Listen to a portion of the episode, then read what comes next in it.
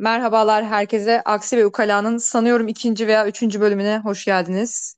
Programı beş ayda bir yaptığım için gerçekten kaçıncı bölümde olduğumuz hakkında hiçbir fikrim yok.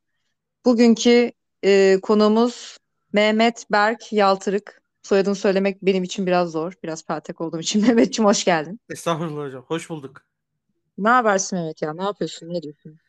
Ee, bu ara hayata yetişmeye çalışıyorum. İşte Oluyor mu? E, bana genelde fix sordukları soru bana ve yayın arkadaşlarıma bu kadar işe nasıl yetişebiliyorsunuz? Bizim de fix cevabımız şu oluyor. Yetişmeye çalışıyoruz. Elimizden geleni yapıyoruz. Evet evet yani çünkü e, yani bu etkinlik yayın yazı işleri bir ara e, yok yani böyle cin falan olmak lazım herhalde böyle zamandan ve mekandan insan boyutu için en azından bir süre böyle ayrı kalabilip birkaç işi birden yapabilmeyi dile, dilediğim oluyor açıkçası. Rahatlamak Yine için. yapıyoruz ya. Bak birkaç işi birden yapıyoruz. Sen şimdi böyle söyleyince ben de şey hatırladım. İşte Ekşi'de benimle alakalı ilk girdi de biri şey demiş. Bu kadar şeyi yar- hani yetiştirebiliyor olması ne kadar muazzam. Düşünüyorum yetiştiriyor muyum? Yani o kadar böyle çok mu aslında aa her dakika üretiyorum falan. Değil aslında yani sinir krizi geçirerek hani oluyor süreç böyle. Aa o da vardı onu yapıyorduk ona ne yapacaktık oraya yazı ekleyecektik. Genelde şuraya böyle oluyor. Genelde böyle oluyor yani. Aa bu vardı. Dur şunu yetiştireyim. Yani bir gün içerisinde, iki gün içerisinde ya ayaküstü röportaj sorusu hazırladığım oluyor. Basın bülteni hazırladığım oluyor. Hani o kadar alıştım ki artık böyle. Millet de şaşırıyor yani. Da- nasıl oldu falan hemen hani hazırladı falan dedim işte ben alışkınım artık hani ayaküstü gerektiği zaman tam şey yani fast food mantığıyla hareket ediyorum bildiğin. Öyle ya zaten hani yaptığımız her şey biraz bunun şeyle alakalı olduğunu düşünüyorum. Düşünüyorum derken şu an düşündüm bu arada yani. Kökü falan yok yani. Şu an aklıma geldi. Ee, o kadar şey e, en azından kendi açımdan bunu söyleyebilirim. Akademik çalışma yapmaya yani hocalara, akademiye, üniversiteye yoğun çalışma yapmaya o kadar alıştım ki oraya kıyasla diğer işler daha kolay geliyor demeyeceğim. Ama o enerjiyi parça parça böyle böldüğün zaman işte YouTube, blog, işte Instagram vesaire bir biçimde altından kalkmak belki daha kolay geliyor olabilir. Ya Hani nihayetinde bir dönemde 50 sayfalık her derse ödev, ödev falan hazırlıyoruz değil mi? Kuvvetli Yani öyle, kuvvetli öyle. Çünkü her hoca da işte ödevine titizlenmesini istiyor. Öyle olunca da aynen. ay onu yetiştireyim, bunu yetiştireyim falan. Meşakkatli yani. Ben genelde bir şeyi ödev olarak yapınca çok tiksindiğim için hobi Evet olarak araştırdığım birçok konular benim uzmanlık alanım değil mesela. Yani Osmanlı tarihi olsun falan işte folklor, batılılaşlar olsun. Bunlar benim hep hobi olarak araştırdığım konular. Ders ya da vazife olarak araştırsam bu kadar keyifli araştırmazdım. Bundan çok eminim yani. Kesinlikle gerçekten hepimizin bir de böyle akademiyle uğraşan herkesin herhalde akademiyle en azından kendi alanıyla hiç alakası olmayan sırf eğlencesine ama Evet, neredeyse akademik düzeyde araştırdığı bir şey var yani hani evet, evet. öylesine yapıyorum canım istediği için falan. Benim için psikoloji öyle mesela. Senin için fantastik olayların olması gibi. Evet, evet. Ben seni düz psikoloji falan hani onun üzerine önermiş olarak hatırlıyordum. Ben zannediyordum. Podcast'lerden dolayı, gece dinlediğimden dolayı da olabilir. Yani aklımda öyle de kalmış olabilir. Beni zaten herkes psikolog zannediyor. Ben de şey diyorum ben psikolog değilim ben psikologların ilgilendiği şeyim. Hani deney olarak Güzel konuşuyorum. bir cevap. Böyle bir şey işte yani hani delirince böyle oluyorsunuz arkadaşlar diye hani konu mankeni gibi gösteriyorum. Aslında konu yoksa psikoloji ya tamamen şey tabii psikotarih çalıştığım için biliyorsun tarihte. Evet. Ee, biraz onun içinde araştırıyorum. İşte tarihi böyle yutulabilir hale getiriyorum. Çünkü biliyorsun tarih zor bir alan yani. Hani hakikaten Evet. insanın ruhunu çeken, insanı erkenden yaşlandıran bir alan çalışmaya başladığın zaman. Ee, senin de en az benim kadar iyi bileceğin gibi. Ya ben e, Terry Pratchett'ın romanlarında işte bu ölüm ve zaman mefhumlarını okuduğum zaman o zamansızlık aynı zamanda aynı anda her zamana temas edebilir falan o tür şeyleri satırları okuduğumda ediyorum ben bunu normalde tarihle uğraştığım zaman yapıyorum zaten diyorum. Ne kadar benziyor falan diye Ka- kafama kafamda öyle canlanıyor yani zihnimde. Her zamanki şey halimiz yani. Bize göre biliyorsun 50 sene önce, 500 sene önce, 1000 Evet. sene sonra, bugün hepsini bir yığın olarak görüyorsun Evet yani. evet evet. falan diye. Bu da biraz tadımızı kaçırıyor bence. İnsanların o an içerisinde yakaladığı coşkuyu çoğunlukla yakalayamıyoruz. Ya evet Olmuş çünkü falan. Mesela nasıl diyeyim? Bazen o kadar ileri seviyede yaşıyordum ki yani bu garip gelebilir belki. Gerçi ben ben söyleyeceğim. Ben dile getirdiğim için garip olmaz da yolda bazen böyle insanlara falan bakıyordum böyle iskelet hallerini falan görüyordum böyle hani. Bu insanlar bir gün ölecek falan böyle. Hani bir yerden sonra dedim ki ya dedim böyle bir bakacağım her yere herkese. Çünkü birçok şeye bakmaya başladım ondan sonra. Yani 10 yıl sonra 20 yıl sonra bu dergi kalmayacak. İşte 50 yıl sonra bu bina kalmayacak. Ya çok korkunç bir hani nihilizme savruluyor insan hani ucu bucağı olmuyor. Tarihin öyle bir etkisi sevindim. var ya. Tarihin öyle bir etkisi var yani bence. Bunu duyduğuma çok sevindim. Bunu bir tek ben yapıyorum zannediyordum. O yüzden kimseye söylemedim. Hani ben manyaklık. Ben yapıyorum zannediyordum.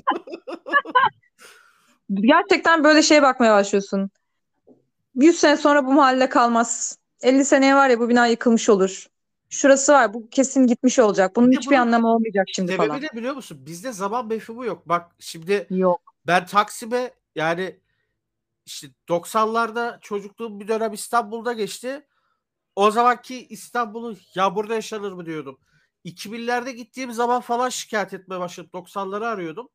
2000'lerin ortalarında gittiğimde 2000'lerin başını arıyordum. İşte yok 2010'ların 2010'ların başında 2000'lerin sonunu arıyordum falan. Böyle hep bir ne zaman gitsem bir mekan kapalı. Ee, işte en meşhuru bu bir tane pastane vardı şeyde İstiklal Caddesi'nde.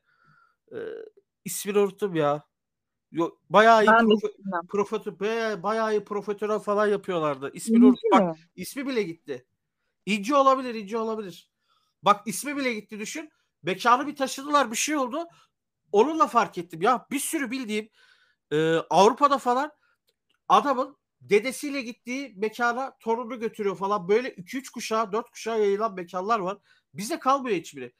Taksim'e ne zaman çıksam istiklale hep duvarda levhalar işte. Burası şu pastaneydi. Burası şuydu. Çok az böyle eskisi gibi olduğu gibi devam eden mekan var. Bizde hafıza yani mekan bağlamı da hafıza çok zayıf.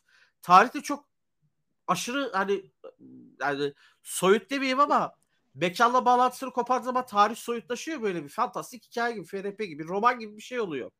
Dolayısıyla e, biz mekan bağlamından çok sık kopardığımız için biz aslında bayağı hafızasız ve dolayısıyla çok adet hissetmeyen bir toplumuz bence. Ben bununla bağlantılı olduğunu düşünüyorum. Doğru. Bir de şöyle bir şey var. Mekanla bağlantıyı kopardığın zaman kurguya yer açılmış oluyor. Ve kurgu evet. o zaman gelen herhangi birinin ya da bir grubun kafasına göre kurgulayabileceği bir şeye dönüşüyor. Bu da sürekli dönüp dönüp aynı tarihe yani aynı geçmişte bir olay. Her seferinde dönüp başka bir şekilde bakmamıza mahvediyor. Yani bir sürekli tarih algımız yok bir olayla alakalı. Olay orada post travmatik stres bozukluğu gibi duruyor yani. Çözülemiyor bir türlü. Hani bunu nasıl ele alacağız? Hani kendi kimliğimizi nasıl belirleyeceğiz? Ulusçuluk anlamında demiyorum. Hani yapı olarak. Ona göre de geçmişteki bir olaya nasıl bakacağız? Ve bunu hayatımızda nereye konumlandıracağız? Hani aynı bireylerin yaptığı gibi. Onu bir türlü oturtamıyor. Onu zaten oturtmak zor bir şey aslında. Normal bir birey için bile çok zor. Geçmişte biliyorsun işte 10 gün önce olmuş bir olaya bakarsın. Çok acıklı ya da çok utanç vericidir. 10 sene sonra bakarsın gülersin. Zaten hafıza sürekli yenilenen bir şey. Tekrar evet. yorum katıyor. Ama büyük hikayede anlam yüklemesi yapamıyoruz Türkiye'de. Çünkü her şey dediğim gibi bir travma gibi orada duruyor ve dediğim gibi mekan bağlantı sürekli gittiği için herkes ne kadar hatırlıyorsa ya da ne hatırlıyorsa ya da nasıl hatırlamak göç istiyorsa mesela gibi. kendi açısından. Şimdi göç ettiğin Öyle zaman hani insanlar türkülere türkülerle falan hatırlıyorlar. Sesim bir uzaklaştım evet. Şimdi nasıl? Hasbel kadar. Heh. Şimdi biraz daha iyidir. Ee, şöyle bir şey var şimdi ne diyorlar ona? E, göç türküleri vardır ya böyle hani göç edilen yerde işte ne bileyim çocukluğunu geçtiği dağları falan alırsın. Bu senin için bir şey ifade eder ama 2-3 kuşak sonra o dağlar ya da o coğrafya çevrede olmadığında garip gelir hani düğünlerde falan belli şarkılar söylüyor ama bunlar niye söyleniyor? Hani senin için bir şarkı isminden, bir şarkı sözünden başka hiçbir şey ifade etmez. Biz buna benzer bir yabancılaşmayı günümüzde yani yaşarken aktüel bir zaman diliminde yaşıyoruz yani bu yabancılaşmayı bence. Öyle ve birçok şeye karşı da yani mesela toplumsal ritüeller vardır ya erginlenme ritüelleri ya da olaylara verilen tepkili olarak top, böyle topluluk halinde verilen ritüeller. Mesela bunu en çok şeyde görüyoruz şimdi. E, yas ritüellerinde. Yas evet. ritüel toplum nezdinde mantığını kaybetmiş durumda artık. Ya bunu niye Evet. yapıyoruz? Bu kötü bir şey değil mi? İyi bir şey, kötü bir şey bütün ritüelin aşamaları orası tartışılır. Ama o kadar çok geçmişin, o kurgunun altı oyuluyor ki Evet. biz bir süre sonra gündelik hayatta neyi neden yaptığımızı unutuyoruz. Ya bunu niye yapıyoruz ki ya da bunu niye yapıyorum ki? Bunun olayı neydi? Ya eğitim bile mesela biliyorsun bir 10 sene önce şey bir şeydi yani. Eğitim okuyun aman tanrım falan bir şeydi. Tabii 10 tabii sene çok sonra hayati bir şeydi yani. tabii şimdi 10 sene sonra hani aptallık olarak bakılıyor artık. Niye okuyorsunuz ki? E, üniversitelerin kalitesi yani şimdi bizim biz eski mezunlar 2010 mezunları olarak üniversiteye gittiğimizde hocalar bizi şey böyle altın kuşakmışız gözüyle bakıyorlar. Böyle hani bir titanlarla tanrıların bir arada olduğu insanların uyum içinde yaşadığı bir dönemde yaşamışız gibi. Çünkü e, gelenlerin dikkat eşikleri çok düşük diyorlar. İlgi alanları yok. Hani diploma almaya bile geldikleri şüpheli falan diyorlar böyle. Ben duyunca şaşırıyorum böyle. Ya. Üniversite bir e, koşullanmaydı bizim için. iyi bir motivasyondu yani. Biz üniversite sınavına hazırlanırken üniversiteli olmanın bir statü olduğunu, bir merhale olduğunu bilerek hazırlanıyorduk. Ya şimdi böyle bir mo- motivasyon kalmadı yani az biraz hazırlanan herhangi bir yere girebiliyor yani. Üniversitenin için büyüsü heyecanı ya da niteliği kalmadı bence. Öyle. Gerçi bu beni üzüyor mu? Hayır. Bence üniversiteler beter olsun. Kıymetimizi bilmediler Kıymetimizi bilmediler, Allah evet. parmağı yok ki gözünü soksun. İşte bak böyle öğrencilerle uğraşın. Yani bize yapılan Evet. biliyorsun eziyetler bizim dönemimizde. Ee, akademide bir anlamda altın çağını yaşıyordu yani 2000'lerde. Yayın olsun, yurt dışına ulaşma olsun, kadrolaşma olsun bilmem ne. Ee, en nihayetinde oradan hiç neredeyse öğrenci yetiştirmeden çıkmayı başardılar. Bu büyük bir başarı gerçekten. Ee, hani doğru bir kadro oluşturmadan e, o günleri oradaki bir 15 seneyi falan hiç etmek de herkesin harcı değil. E, günün sonunda e, biraz da mesela burası çok ilginç. Şey görüyorsun tarihçi olduğun zaman. Mesela şeyi bu ara çok görüyorum. Bu e, öğretmenlere ve doktorlara yönelik öfke, tepkide. Mesela kızma yetimi kaybettim toplumsal olaylara karşı. Yani tabii ki aşırı şeyler beni de sinirlendiriyor ama çünkü şeyi görüyorum bağlantı yani o neden sonuç var ya tarihte. Evet. Şey görüyorsun abi bizden bir kuşak önce hatta biz de bunu gördük yani ucundan belki son yaşayanlardık.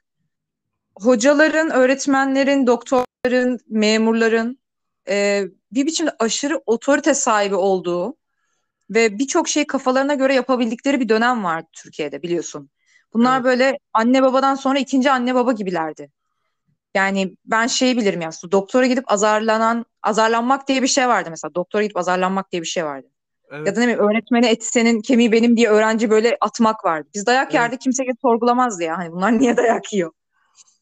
Ee, yani böyle bir evreden sonra sanki o bastırılmış öfke şimdi burada saçma sapan bir biçimde çıkıyor gibi. Aslında benzer bir şey muhtemelen devlete ve kolluk kuvvetlerine karşı da vardır toplumda ama onların öyle veya böyle belinde silah olduğu için bence kimse oraya Ya ses çıkaramaz. şimdi yani kolluk gücü olunca işte şimdi çok böyle bir Bir tepkini doğrudan dile getiremiyorsun.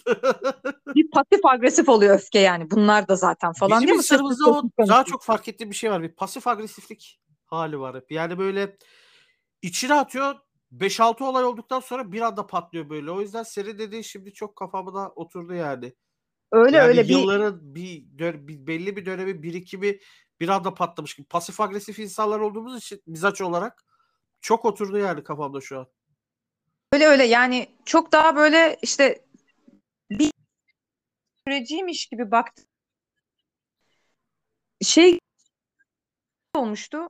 Sonra şöyle olunca burada böyle bir şey patladı. Tamam bu acayip değil diyorsun yani. Hani çünkü 10 sene öncesi onun böyle ya da 20-30 sene öncesinde böyle bir şey yaşanmış. O çıkıyor aslında. Aynı şey gibi işte. Psikolojide 0-6 yaş arasında ne yaşadıysan ergenlikle birlikte çıkıyor ya o. Ama nesnesi Evet. kayıp. Sen bilmiyorsun ki orada yaşadığın bir şeyden dolayı öyle davranıyorsun. Sen güncel kendi mazeretlerini oluşturuyorsun. Ama aslında onun arkası var. Yani biraz da tarihçiliğin bozduğu şeylerden bende yani. Biri bu. Bir diğeri de şu. Şimdi toplumsal olaylara ses çıkarıp duruyoruz ya işte bu böyle olur mu bu daha düzgün olmalıydı işte toplum bozuluyor falan.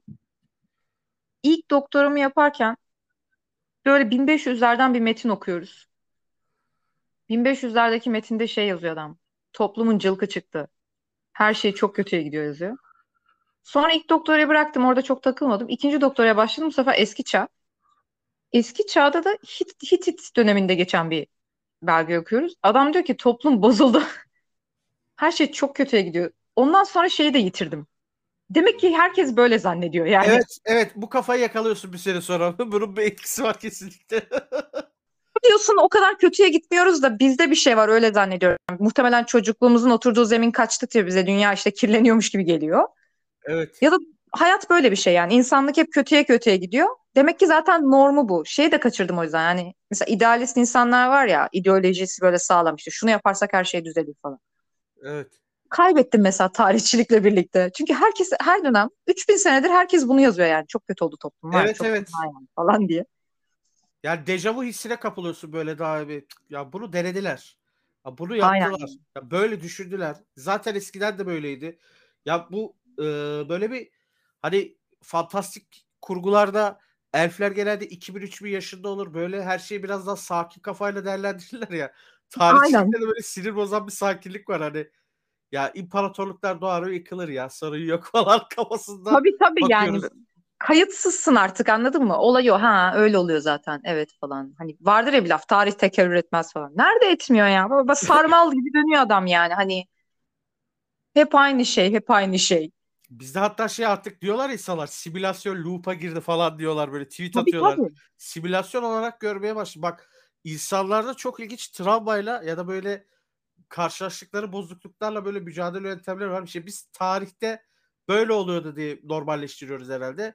İnsanlar da bunu simülasyon olarak görüyorlar ya da bir oyun, eğlence ya da bir mizah kaynağı olarak başa çıkmaya çalışıyorlar. Sosyal medyadan gördüğüm kadarıyla.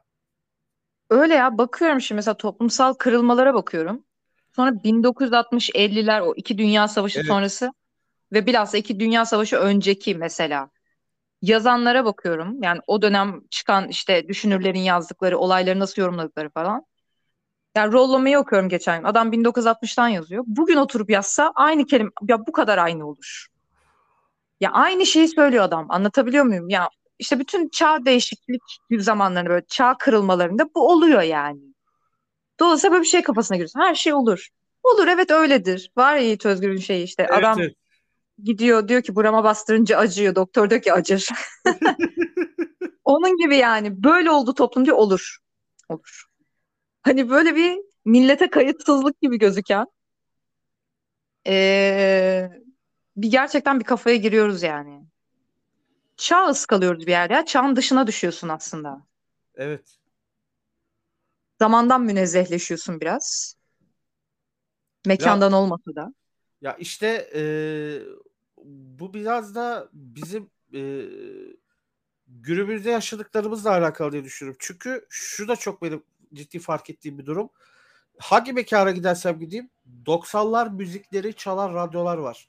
Şimdi genelde ben böyle nostalji takıntılıyım. Bir tek ben dinliyorum zannediyorum. Nereye gidersem gideyim ezber, neredeyse sözlerini ezberledim. Eski şarkılar çalıyor yani her yerde. İster istemez böyle bir eee, hani geç eskiye rağbet olsa bit pazarına nur, nur yağardı diyorlar ama e, böyle herhalde çalkantılı insan, insanlar böyle çalkantılı dönemlerde geçmişin güvenli sığınağını arıyorlar biraz da. Daha masum, daha az böyle dertle, kederle hemhal oldukları dönemi arıyorlar ve bu da insanlarda ister istemez böyle bir aşırı nostalji hissi, aşırı belki geçmişte yaşama hissini tetikliyor ki bu sadece tek taraflı değil yani. Hani toplumun diğer bir kesiminde de biliyorsun ulan 100 yıl önce dünyaya hükmediyorduk şimdi böyleyiz. Hani Osmanlı falan. böyle çok Nerede? ilginç savrulmaları var yani. E, Osmanlı'nın son zamanlarında da ya biz Orta Asya'da neler yapıyorduk falan diyor. Onda da ona dönüş vardı. Avrupa'da da Evet. Yunanlara dönüş vardı mesela. Yani Evet, o evet. kriz anlarında nasıl insan depresyona girince depresyon öncesi döneme regresi oluyor. Geriliyor yani. Hani Evet. bir 3-5 sene kafayı kırmadan önce iyiydi aslında falan demeye başlıyor. Halbuki muhtemelen orada da şikayet ediyordu. Evet. Mutlu falan değildik.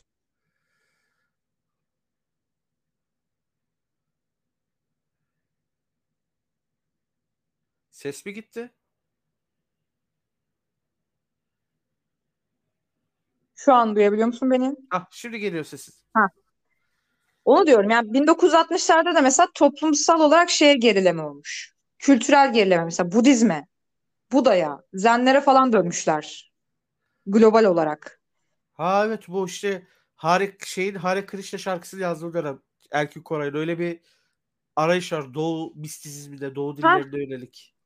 Mesela orada bir global böyle doğu mistizmine dönüş olmuş yani. 3000 sene önce insanlar kesin daha mutluydu falan diye herhalde. Halbuki gene öyle bir şey yok. Ya 3000 sene önceki adama sorsak o da işte dönüp diyor ki toplum çok bozuldu. Gençler yoldan çıktı falan diyor. Yani. Hani Dolayısıyla gerçekten tarihçinin getirdiği bir kayıtsızlık bir e, toplumun o duygusal dalgasına adapte olamama hali var. E, onun dışında ben esasen bak bugün sana ne soracaktım. Biraz şey üzerine konuşalım kapatmadan önce. Bu dışarıdan doktora yapmak ve bir yandan da başka bir şeylerle uğraşıyor olmak senin için nasıl bir şey? Ben çok eğlenmiyorum ama cevabımı daha sonra vereceğim. Sen ne düşünüyorsun? Ya bence de Dış eğlenceli bir süreç, eğlenceli bir süreç değil. Niye diyeceksin? Çünkü bir ödev, bir sorumluluk gibi yükselttiği için. Yani ben bir yeni bir kitap konusu yazıyor şeklinde bakmaya çalışıyorum olaya ki e, hani motive olabileyim diye. Hani öbür türlü öbür türlü çok hani nasıl desem e, motivasyonumu yani Sokağa sağlayamıyorum herkesi çünkü falan çünkü diyor. şey gibi ödev gibi böyle hani anladın mı? Böyle bir angarya gibi hani bu senin yapman gereken bir yükümlülükmüş gibi e, algılanıyor. E, dolayısıyla dolayısıyla e, çok böyle tatlı işlemiyor süreç. Bu diğer işleri de etkiliyor. Çünkü aklı hep orada ya şimdi. Ulan şu kaldı. Bunu yapacakken bunu yapmak Evet. zorundayım. Yani bunu yapmak zorundayım ama bunun yerine gidip böyle gidip şey hikaye yazıyorsun. İşte şu etkinliği yapıyorsun falan. Acaba doğru mu yapıyorum diye. Sürekli böyle bir arafta kalmış hissi böyle bir ruh, ruhsuz şey böyle ruhların böyle huzura kavuşmayan ruhların poltergeistleri de evreniyle e, direkt e, ne diyorlar ona e, empati kuruyorsun yani. İki, Tabii canım, iki dünya arasında sıkışmış hiçbir yere ait olamayan hayaletler. Öyle görüyorum ben kendimi açıkçası. Valla ben de çok böyle hissediyorum. Ee, ve şeyi yakalayamıyorum. Yani bunların hangisi acaba öncelikli olmalı? Çünkü birinde çok daha somut bir şey üretiyorsun ve öyle veya böyle para kazanıyorsun. Evet. Öbürünü de aslında bir şey için yapıyorsun ama böyle hani artık ne için yapıyorum mantığı biraz kaymış. Evet evet evet evet aynen öyle. Dolayısıyla böyle şey biraz ona bakıyorsun, biraz buna bakıyorsun. Bu ikisi arasında git gel yaşıyorsun. Ama ben şöyle düşünüyorum. Ee, bence e, birçok yani zihinsel olarak ya da üretim noktasında akademisyen olan insanın resmi olarak akademisyen olmamış olması, akademinin dışına düşmüş olması çok iyi oldu. Çünkü birincisi daha fazla üretim yapmamıza sebebiyet veriyor bu. Yani daha fazla şey üretebiliyoruz. Daha kendi kafamıza göre istediğimiz zaman istediğimiz şekilde daha rahat üretim yapabiliyoruz. Bu bir. Ya akademide olsak şöyle bir şey de var. Bu da bir gerçek yani. Şimdi argörlerin kaçı oturuyor makale yazıyor, kitap yazıyor, bilmem ne yapıyor yani. Tabii Kağıt tabii topluyor. tabii. Ya öyle bir vakit aslında olmuyor. Bir diğer şey şu, akademik yapı ne kadar dışarı düşerse o kadar daha iyi gelişir diye düşünüyorum. Çünkü üniversitedeysen hocan ne istiyorsa ya da en tepedeki hoca neyse ve o nasıl yönlendiriyorsa o kadar da daralıp kalıyor akademi. Yani biraz şöyle bir şey var. Bir şey yapmıyorsa benim bu yaptığım bir şey fazlasıyla yeter. O bir şey yaptıysa ben de iki şey yapsam yeter. De mesela tıkanıp kalabiliyor. Böyle çok daha nasıl desem üretimimiz aslında daha fazla artmış ve daha fazla katkıda bulunuyoruz diye hissediyorum. Bir de bence çok güzel buradan aslında yeni bir iş, yeni bir meslek akademisyenliğin bir yerde atölyelerle çok daha e, bize gelecekte belki şu çok ekonomik saçma sapan günler atlattıktan sonra daha güzel kazançlar getirebileceğini düşünüyorum. Ya bende de var o bu. Çünkü bir yerden sonra e, bize bir kere internet yeni bir alan açtı. İşte sen podcast yapıyorsun.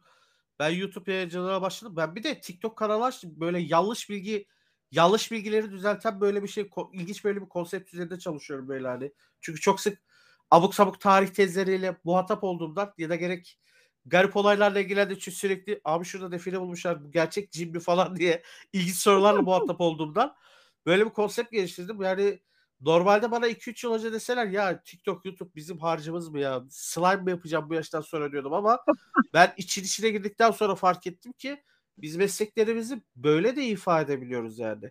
Benim araştırdığım, ilgilendiğim konulardan insanlar e, insanlar da istifade edebiliyor, ilgileniyorlar. e, seni destekleyebiliyorlar yani beğenileriyle işte bağışlarıyla vesaire. O yüzden ben bunun ileride daha da yani şimdi tabii şu kriz ortamında insanlarda şu var. İlk yani kitaplar ya da kültür işleri gözden hani uzaklaştırılıyor ama bir yanda da insanlarda da buna karşı bir açlık var. Bir e, kültür işlerine karşı. Dolayısıyla ilk böyle normalleşme anında da e, insanların bizim yaptığımız işlere daha fazla eğileceğini, daha fazla ilgi göstereceğini düşünüyorum ben de. Gene de şu doktora falan bitse değil mi daha rahat işimize gücümüze Evet, uğraşsak evet. Gerçekten daha daha senden yıl önce bir bu arkadaşımla yıl konuşuyordum. bu yıl bitirme niyetim var işte inşallah bakalım yani böyle diyoruz burada kayıtlara geçti ama yani gelecekte gösterir Vallahi söz ağızdan çıktı. Bak herkes Evet, niyeti böyle kodladı şu an içinde. Me- Mehmet bu sene tezi bitiriyormuş. Ya hadi bir, bir niyet de ben evet. atayım ortaya. Benim de yasal e, ilk dört senem daha doğrusu önümüzdeki yaz bitiyor.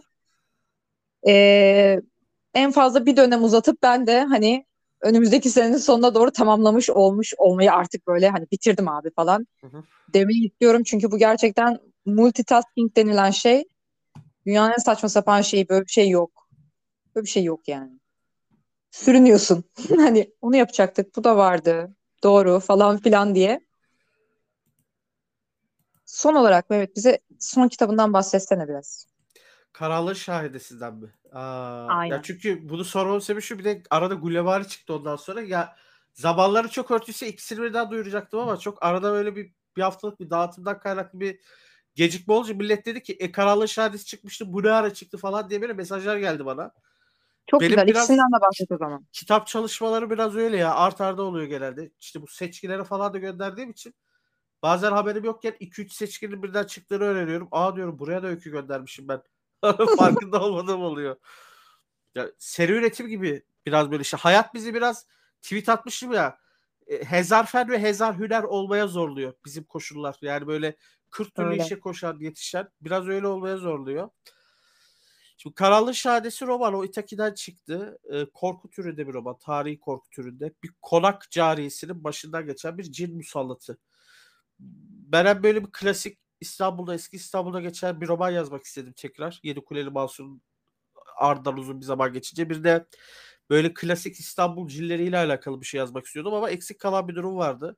Ne yazsam da Mansur'dan uzaklaşırım, daha farklı bir çeperden İstanbul'a bakabilirim derken aklıma e, bu esirlik, esaret konuları geldi. Kölelik şimdi yani tazimat süreciyle kaldırılmasına falan gidilecek ama o zaman bile işte bacı kalfalar, yok yanaşmalar, yok efendime söyleyeyim işte yamaklar falan. Bir sürü şey var yani bu toplumda çok yer etmiş ve e, sonra ben bunu araştırmaya başladım. İşte e, eski konaklarda, saraylarda kadınlar nasıl yaşıyor bir bunu araştırmaya başladım bir. Romanın yazılma sürecinde yani taslak oluşurken. E, işte Leyla Saz'ın Harem Hatıratını okudum vesaire. İşte haremde ki insanların kullandığı o işaret dili, o dilsizlerin konuştuğu dil var. Onu falan araştırdım böyle derken karşıma e, bir arkadaşımın yönlendirmesi dedi ki bir tane kitap var o seni çok işine yarar dedi. Böyle kölelik temalı bir şey yazmak istiyorum ama dedim mecrası belli değil. Yani nereden gireceğimi bilmiyorum. Hani saraydan mı girsem bir ev kölesini mi anlatsam hani ne olacak falan. Bu arada yani normal insanlar da hani köle esir alıp satabiliyorlar ya eski zamanda. Onu açıklayayım burada belki bilmeyenler hani şaşırabilir. Ondan sonra Merve Köken e, bu eski harfli e, tefrikaları, romanları bulup bizim işte, günümüz Türkçesine kazandıran birkaç yayını olan arkadaşım, öğretmen arkadaşım Merve Köken bana şey dedi. E, tazimat şey tazi şey Türk romanında kölelik temalı bir çalışmadan bahsetti. Türk Tarih Kurumu yayınlarından çıkan. Yanlış hatırlamıyorsam. Evet evet Türk edebiyatında şey kölelik teması tazimattan itibaren Türk romanında ve e, onun bana çok etkisi oldu. Çünkü bir aldım öyle şeyler çıktı ki karşıma. Bu temayı işleyen yazarların çoğunun konak hayatı var ve onların da hayatında böyle esirler, geçmişler yani. Böyle bu insanlarla karşılıklı olmuşlar. Anneleri falan cari olan var hani. Ya düşünsene o işte yaşadığı sıkıntıyı e, ya da gördükleri tepkileri o daha iyi yansıtıyorlar. Dolayısıyla ben o kitaptan da istifade ederek böyle kafamda işte Periveş diye bir cariyenin hikayesini oluşturup yazdım. Karanlık Şahadesi böyle bir roman. Gece okunması gereken bir roman. İlk ikisine göre biraz daha sert ve karanlık oldu. Zaten geri dönüşler de o şekilde. Bunu gece okuyamıyoruz. Bunu insan okuyacak. Niye böyle yazdın diye okur tepkileri de oldu. Bu öyle çıktı işte. Türk kültürde Gulyabani de Ötüken'den çıktı. O bir araştırma ve e, içinde hem bizim akademik araştırmalarımız var. Yani Gulyabani'nin folklor boyutu, edebiyat ve popüler kültürdeki boyutu ve divan edebiyatında nasıl işlendiği. Bir de biz illüstrasyonlar ekledik kitaba. Yani bir eski e, Osmanlı dönemindeki tasvirler, motifler vesaire bunları ekledik.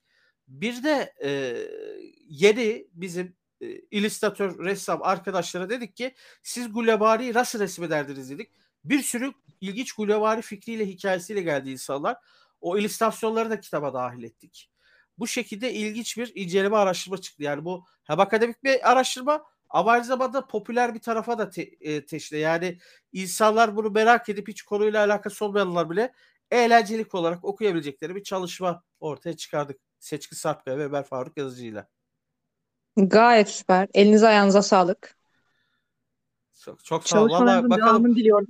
İnşallah. Yani ömrüm yettiğince, ömrüm yettiğince yazmaya devam. Onu herkese diyorum. Çünkü çok diyorlar yeni kitaplar yolda mı falan diye. Yani roman bitiyor hemen çünkü yani. Ya serüven romanı gibi yazınca diyorum yeni kitaplar da yolda yazmaya devam ediyorum diyorum. Bakalım buradan da söyleyeyim. Yazmaya devam ediyorum arkadaşlar. Senden zaten hiç yakın zamanda durma enerjisi beklemiyorum.